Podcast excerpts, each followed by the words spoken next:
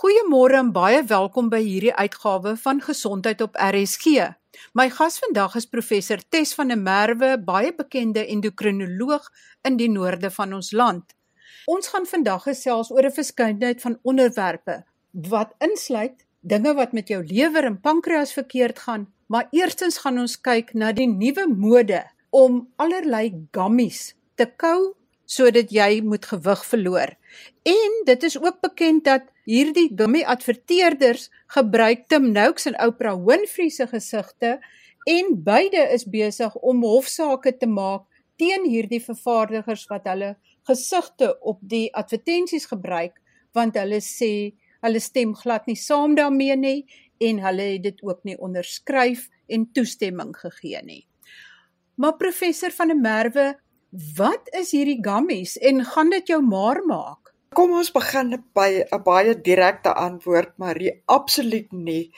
Daar is baie misleidende advertensies wat begin het van 1994 af toe die wet op die beheer van nutrisionele elemente ongereguleerd geword het. Met ander woorde, wat ons daarmee bedoel is, jy hoef nie meer enige wetenskaplike bewyse of uitkomsgebaseerde studies op die tafel te sit om te registreer vir enige van hierdie nutrisionele supplemente. In hierdie gummies is daar twee groot probleme.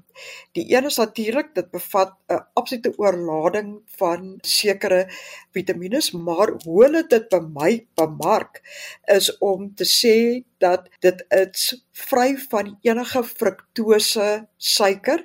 Dit is vegetaries en dat daar sekere van daai vitamiene is wat jou sogenaamde boost kan gee van jou basale metabooliese spoed. Nou vir die publiek om mooi te verstaan waarvan ons praat, moet ons net eers kyk. Jy kry twee klasse van vitamiene. Jy kry daai wat vetoplosbaar is en die wat nie vetoplosbaar is nie jou vetoplosbare vitamiene is natuurlik jou A, D, E en K. Hulle is gevaarlik in die sin dat hulle vat baie langer om deur die liggaam uitgeskei te word en hulle kan maklik tot sekere toksisiteite lei. Die advertensieveldtogte is baie misleidend in dat as jy na die inhoud van daai sogenaamde gummies kyk en jy gaan onder na die heel onderste groep van die inhoud, dan sien jy baie duidelik dat een van die groot komposisies is eintlik glikosestroop en gefermenteerde alkoholstroop. Dit laat dit baie lekker proe en natuurlik probeer hulle om die indruk by die publiek te skep dat ag, weet jy wat, dit is beter om hierdie vitamien te gebruik eerder as om jou hand uit te reik na 'n soeting. So hulle probeer letterlik en as jy kyk na hoe die bemarkingsveldtogte plaasvind in die store waar dit wel op die rakke is, staan dit reg langs die KitKat baas en die proteïenvervangings en die proteïensakkies en so meer. So ons sit hier met 'n situasie waar jy mense het wat glo dat as hulle hierdie gummies eet, dan sal hulle nie 'n hoë suikerinname hê nie wat natuurlik heeltemal verkeerd is. Die wêreld beveel nie meer as ongeveer op maksimum 20 gram suiker 'n dag aan. Baie van hierdie produkte as jy kyk op die voedselinhoud, sal jy sien dat dit kan enige iets van 6 tot 10 gram glikose suiker of gefermenteerde alkoholiese suiker bevat. So al wat nou gebeur het is die pasiënte lewe met hierdie geloof dat wel ek eet darm nou nie die lekker goed wat hier lê nie, ek eet nou 'n vitamien en terselfdertyd kry ek dan sommer 'n paar goed in wat my basale metabooliese spoed gaan verhoog en ek gaan daarmee 'n gewigsverlies kry. So daar is reële gevare, uiterste gevare wat gekoppel is aan hierdie tipe van bemarking, maar ook aan hierdie produk. Dit is glad nie so maklik om 'n vitamien te verpak nie.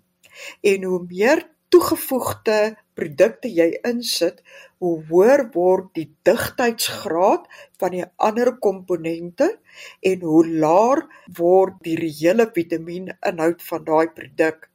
Nou dit is veral gevaarlik in kinders waar die ma dan voel wel in plaas daarvan dat die kind huis toe kom na skool en vra vir 'n lekker goed, dan gee ek vir hulle 'n gummy vitamien.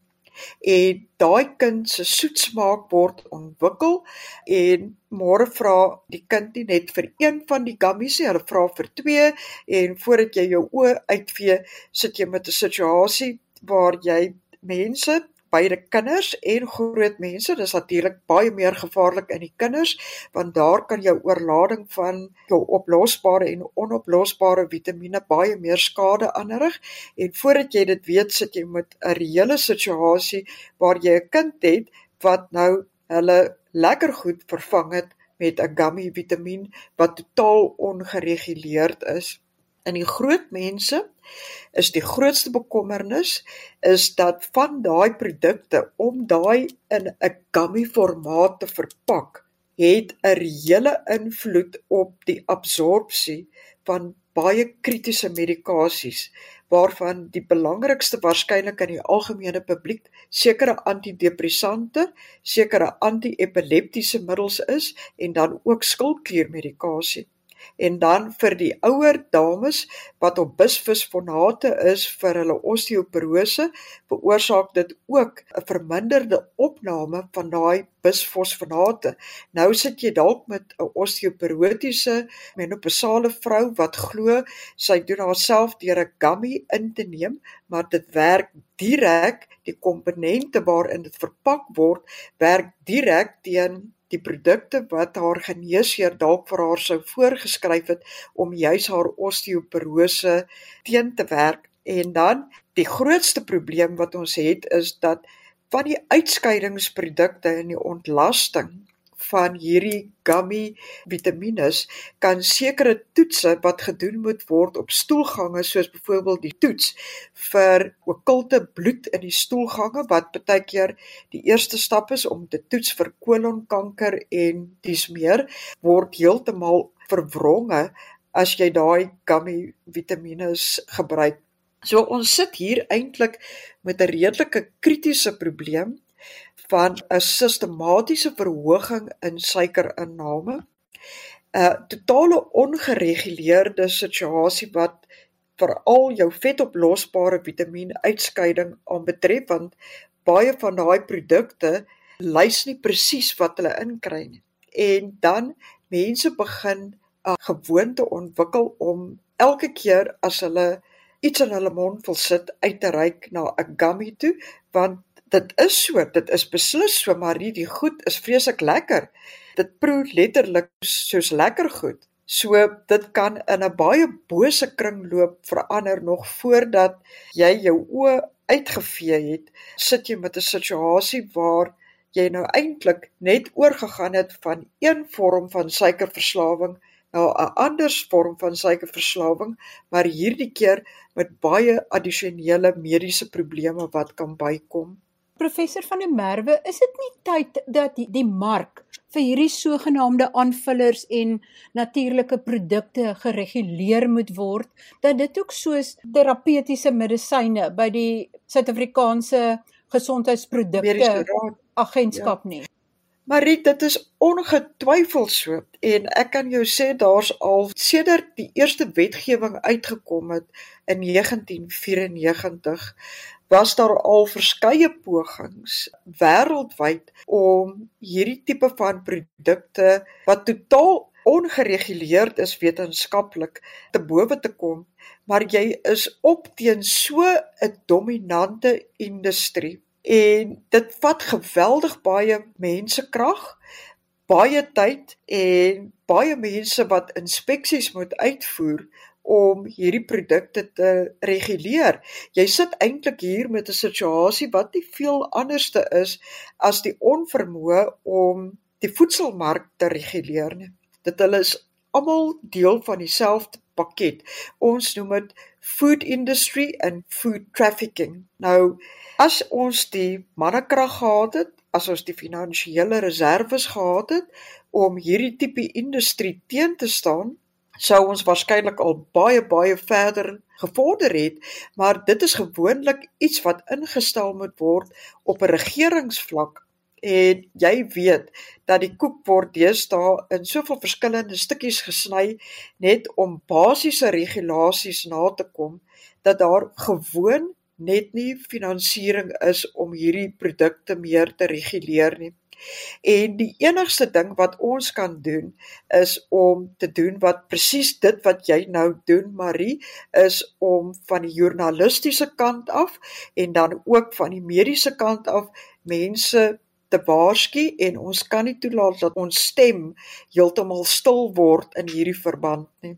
Ja, baie dankie eh, professor van der Merwe dat jy bereid is om hieroor te praat en ek moet ook sê elke nou en dan as ek so iets aanraak kry ek ook maar dreig oproepe. Ek het onlangs weer gehoor van iemand wat 'n pasiënt wat kom vir limfdreinering gevra het wil sy nie maar kom vir 'n binneaardse vitamientoediening nie want dit sal haar baie gou weer baie vrolik en fris en vars laat voel. Marie, dit is ongelukkig so dat daar 'n ou stelling, the carrot dangling in front of the nose, waar geld betrokke is en waar inkomste verdien kan word.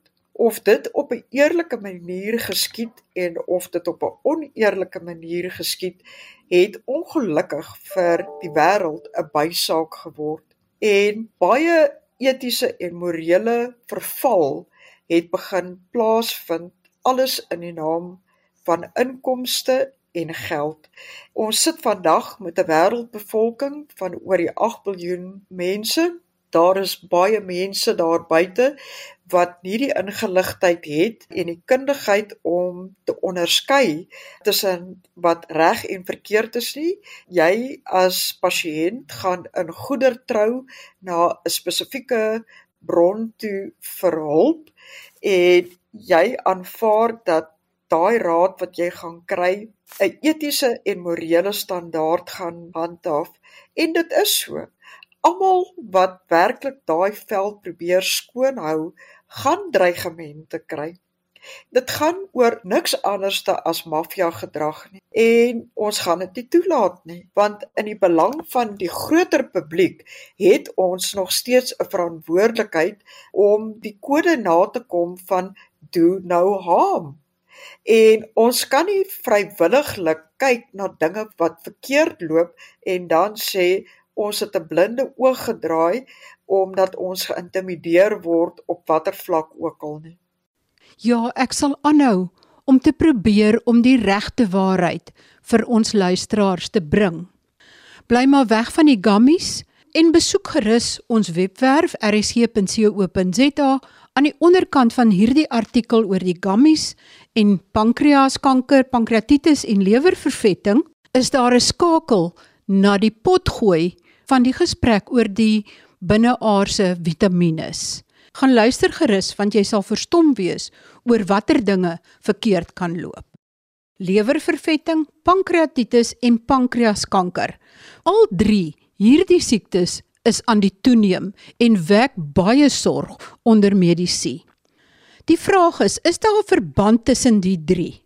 En wat is die gemeene deler? Is dit dalk oorgewig? Lewervervetting is een van die grootste redes hoekom pasiënte op 'n waglys beland vir 'n leweroorplanting. Maar dit word ook duidelik dat pankreatitis en pankreaskanker beslis aan die toeneem is. Dit blyk dat hoewel mense wat glad nie oorgewig is nie, wel lewervervetting kan kry en ook wel pankreaskanker kan opdoen, dat die grootste toename is onder oorgewig mense. Professor Tes van der Merwe, endokrinoloog van Pretoria, gaan vir ons die verband verduidelik tussen die drie siektes. Want daar is inderwaarheid 'n verband. En nie net na een kant toe nie, maar tussen mekaar en na alle kante toe. Ons begin by lewervervetting en kyk dan na pankreaskanker en pankreatitis. Lewervervetting is iets wat baie toegeneem het oor die laaste twee dekades.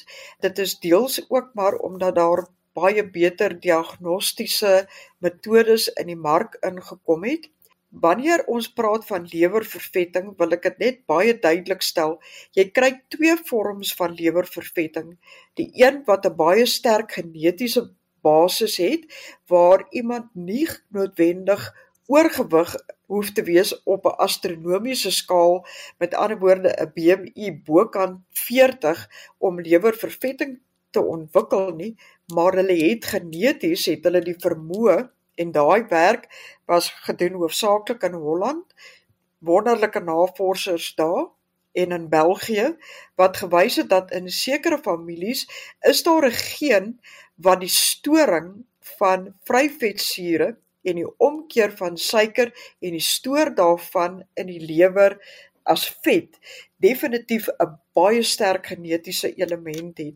En dit is hoekom daar soms verwarring onder die publiek is. Hulle sal sê, "Ja, maar my BMI is maar 31, maar ek sit met 'n massief vervette lewer." Maar as jy versigtig gaan kyk, sal jy waarskynlik vind dat daar is ook 'n diabetiese geen in daai familie en daar is definitief ander mense wat ook storing van vet op 'n baie laer BMI het. Dan natuurlik is die grootste gedeelte is die feit dat ons sit met 'n wêreldbevolking wat baie vetsugtig geraak het en een van die maniere waarop die lewer die liggaam gaan probeer beskerm aan die begin is om te kyk hoeveel suiker kan hy uit jou bloedstroom uithaal en net iewers anders gaan stoor. Maar onthou, die lewer het 'n kapsel rondom hom en op een of ander stadium gaan daai stoorkamer volgepak wees en dan gaan dit begin oorgaan en prediabetes en dan uiteindelik diabetes. Ons het baie keer in die verlede toe ons nog nie die inligting en die moderne skanderingsmetodes gehad het nie, gepraat van 'n kriptogene lewersirose wat uiteindelik ontwikkel in mense. Met ander woorde, mense wat nooit in hulle lewe alkohol gebruik het nie. Maar ons het die woord kriptogeen gebruik omdat ons nie besef het dat daar was so 'n groot element van vervetting wat al in die lewers plaasvind van die mense wat oorgewig is, nie. As jy kyk na die nuwe statistieke wat nou uitgekom het, is die voorspelling en dit is absoluut vreesaanjaend is om te sê dat teen die jaar 2030 gaan pankreaskanker jou tweede mees algemene kanker wees wêreldwyd. En hoekom ek sê dit is vreesaanjaend is punt nommer 1, dit is 'n baie moeilik behandelbare kanker. Punt nommer 2, dit is moeilik om dit te diagnoseer of dit nou op skandering is en of dit nou is met laparoskopiese intervensie met biopsies en dis meer Dit is dikwels 'n kanker wat baie laat ontdek word en op daai stadium het die pasiënte dan letterlik geen keuse as om die totale pankreas te verwyder. Jou oorlewingspotensiaal oor 5 jaar selfs met een van daai gekompliseerde operasies soos 'n hoepels ensovoorts is maar omtrent 10%. Dit is juis omdat dit so moeilik is om dit op te tel in die vroeë stadiums. So jy het mense wat op die waglys sal gaan omdat groot gedeeltes van hulle pankreas verwyder moet word en dit skep natuurlik weer die probleem dat hulle suikersiekte ontwikkel en dikwels insulienafhanklike diabetes word.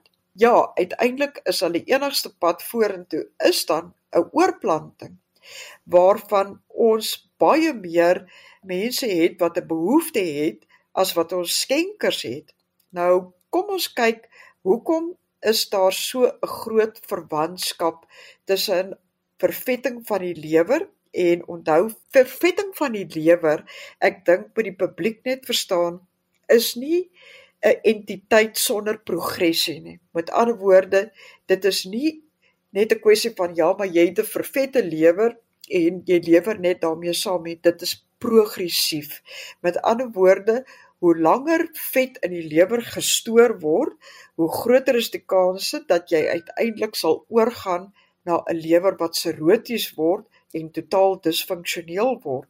En daarom is dit dikwels 'n geval van nie net moet die pankreas oorgeplant word nie, maar die lewer moet ook oorgeplant word, beide om die suikersiekte te verwyder, die kanker onder beheer te kry, maar ook omdat jy dan sit met eindstadium lewersiekte. So dit is nie 'n stagnante probleem nie, dit is 'n progressiewe probleem. Nou die konsep agter pankreatitis en die ontwikkeling van pankreaskanker is 'n baie baie nou gesette verband.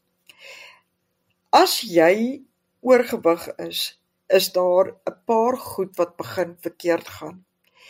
Nie net skei mense te veel insulien af nie. Hulle skei ook wat ons noem insulin derived like growth factor af.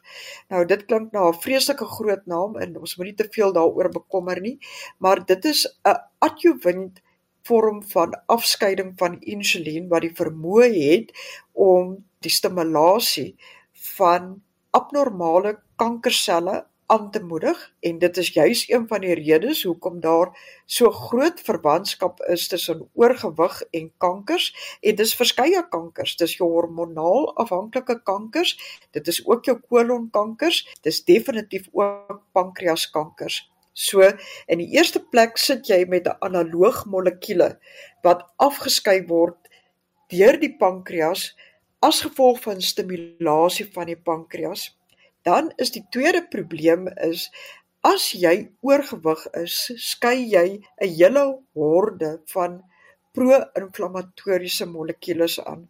En ek wil nie te veel ingaan op die name nie. Daar's veelvuldig van daai molekules al geïdentifiseer wat 'n tipe van 'n kroniese inflammatoriese toestand in die liggaam veroorsaak. En daai kroniese inflammasie het wel die vermoë om kankergene letterlik mettertyd wakker te maak. Dan is jou derde probleem waarmee jy sit is is dat jy gaan sit met 'n situasie waar jy sekere van jou mikrobiota gaan hê wat gaan verander direk in jou darmkanaal self wat kan lei tot sekere kankerformasie. Dit is 'n baie nuwe veld van ontwikkeling en een waaraan daar baie aandag die oomblik. Met ander woorde, daar is 'n abnormaliteit, amper 'n verkeerde afskeiding van sekere van jou normale makrobiotika met ander woorde dit is nou daai organismes wat normaalweg in jou darmkanaal moet plaasvind wat vir jou beskerming sal gee. As ek dit so eenvoudig kan stel hulle is letterlik daar om toksiese substansies uit te filtreer hoe meer oorgewig jy is en hoe meer vry vetsure daar in die liggaam is en hoe meer uh, suiker daar is, hoe meer versteur word daai makro en mikrobiotika. En jy ontwikkel op die ou einde as ek dit dan baie simplisties vir die publiek kan stel 'n situasie waar jou filtrasie meganisme om toksines uit die liggaam uit te verwyder heeltemal begin verlore gaan en dan die vierde meganisme waar volgens dit ontwikkel is as jy kry die afskeiding van sekere hormone in die vetweefsel self. Nie inflammatoriese molekules nie, hormone wat letterlik die vermoë het om eerstens stimulasie te veroorsaak op 'n mikro sirkulasievlak. Met ander woorde, hulle versteur die bloedvloei na sekere organe toe. Hulle moedig ons noem dit angiogenese. Hulle moedig die vorming aan van klein vaatjies in die liggaam wat nie noodwendig daar moet wees nie, maar wat dan produkte kan direk versprei na daai spesifieke gedeelte waar daar nou nuwe mikrosirkulasie is en uiteindelik word die mikrosirkulasie makrosirkulasie en nou sit ons met uh, 'n posisie waar ons letterlik 'n doodloopstraat het want jy het nou 'n orgaan wat buite beheer is in terme van sy bloedvoorsiening. So alles wat ons nie wil hê moet uitkom by daai spesifieke gedeelte wat daai stimulasie ontwikkel, het nou wel daai toegang tot daai spesifieke gedeelte. Dan sit jy nou met 'n situasie waar daar 'n abnormale hoë sirkulasie is na 'n sekere gedeelte toe of dit nou die kolon is en of dit die bors is en of dit die prostaat is. En nou begin jy letterlik as ek dit so kan noem 'n drukgang ontwikkel waarin jy nou hierdie pro-inflammatoriese molekules letterlik baie maklik kan uitkry by daai plek waar ons nie wil hê hulle moet wees nie. So die verhouding tussen 'n vervette lewer en pankreatitis en pankreaskanker is baie baie nou geset en baie bekommerniswekkend. En dan op 'n finale noot maar hier sit ons met 'n situasie waar jou lewer en jou pankreas deel sekere bloedtoevoer en ligamente. Met ander woorde, daar's jou hepatopankreatiese ligament, daar's jou portale vena. Hulle is eintlik nie aparte sisteme nie. Hulle is eintlik een en dieselfde stelsel anatomies. Hulle is letterlik direk aan mekaar gekoppel. So wat gaan gebeur? in die pankreas kan dan ook weer die lewer gebeur en ja ons praat van lewervervetting wat vir jou pankreatitis kan gee maar die teenoorgestelde is ook waar Ek gaan net in enkele woorde 'n paar dinge herhaal wat professor Tes van der Merwe gesê het Lewervervetting neem toe Die lewer probeer om suiker te stoor, maar het nie meer plek nie omdat hy so baie vet moet stoor, dan beland daar meer suiker in die bloedstroom en jy kan ook diabetes ontwikkel. Wat gebeur as jy pankreatitis het? As jy oorgewig is? Eerste plek is jou liggaam skei meer insulien af en ook 'n insuliensoortige groeihormoon wat die groei van abnormale kankerselle stimuleer of dit nou in die kolon, die pankreas of die bors is. Tweedens stimuleer dit die produksie van pro-inflammatoriese molekules wat kroniese inflammasie in die liggaam kan veroorsaak en dit skakel weer kankergene aan. Derdens verander dit die bakterieë in jou darmkanaal wat dan kanker kan vorm. Vierdens, die vet begin om self hormone af te skei wat dan 'n verhoogde bloedvoorsiening na sekere dele in die liggaam veroorsaak. En dit kan in jou bors, kolon, enige plek wees, in jou pankreas self ook. En dan kan hierdie pro-inflammatoriese molekules wat kankergene kan aanskakel, maklik deur hierdie groot oop bloedvoorsieningspad tot in daardie orgaan vorder. Ons gaan volgende week verder na hierdie belangrike verband tussen die lewer, die pankreas en oorgewig kyk. Tot volgende week dan. Baie groete van my, Marie Hudson.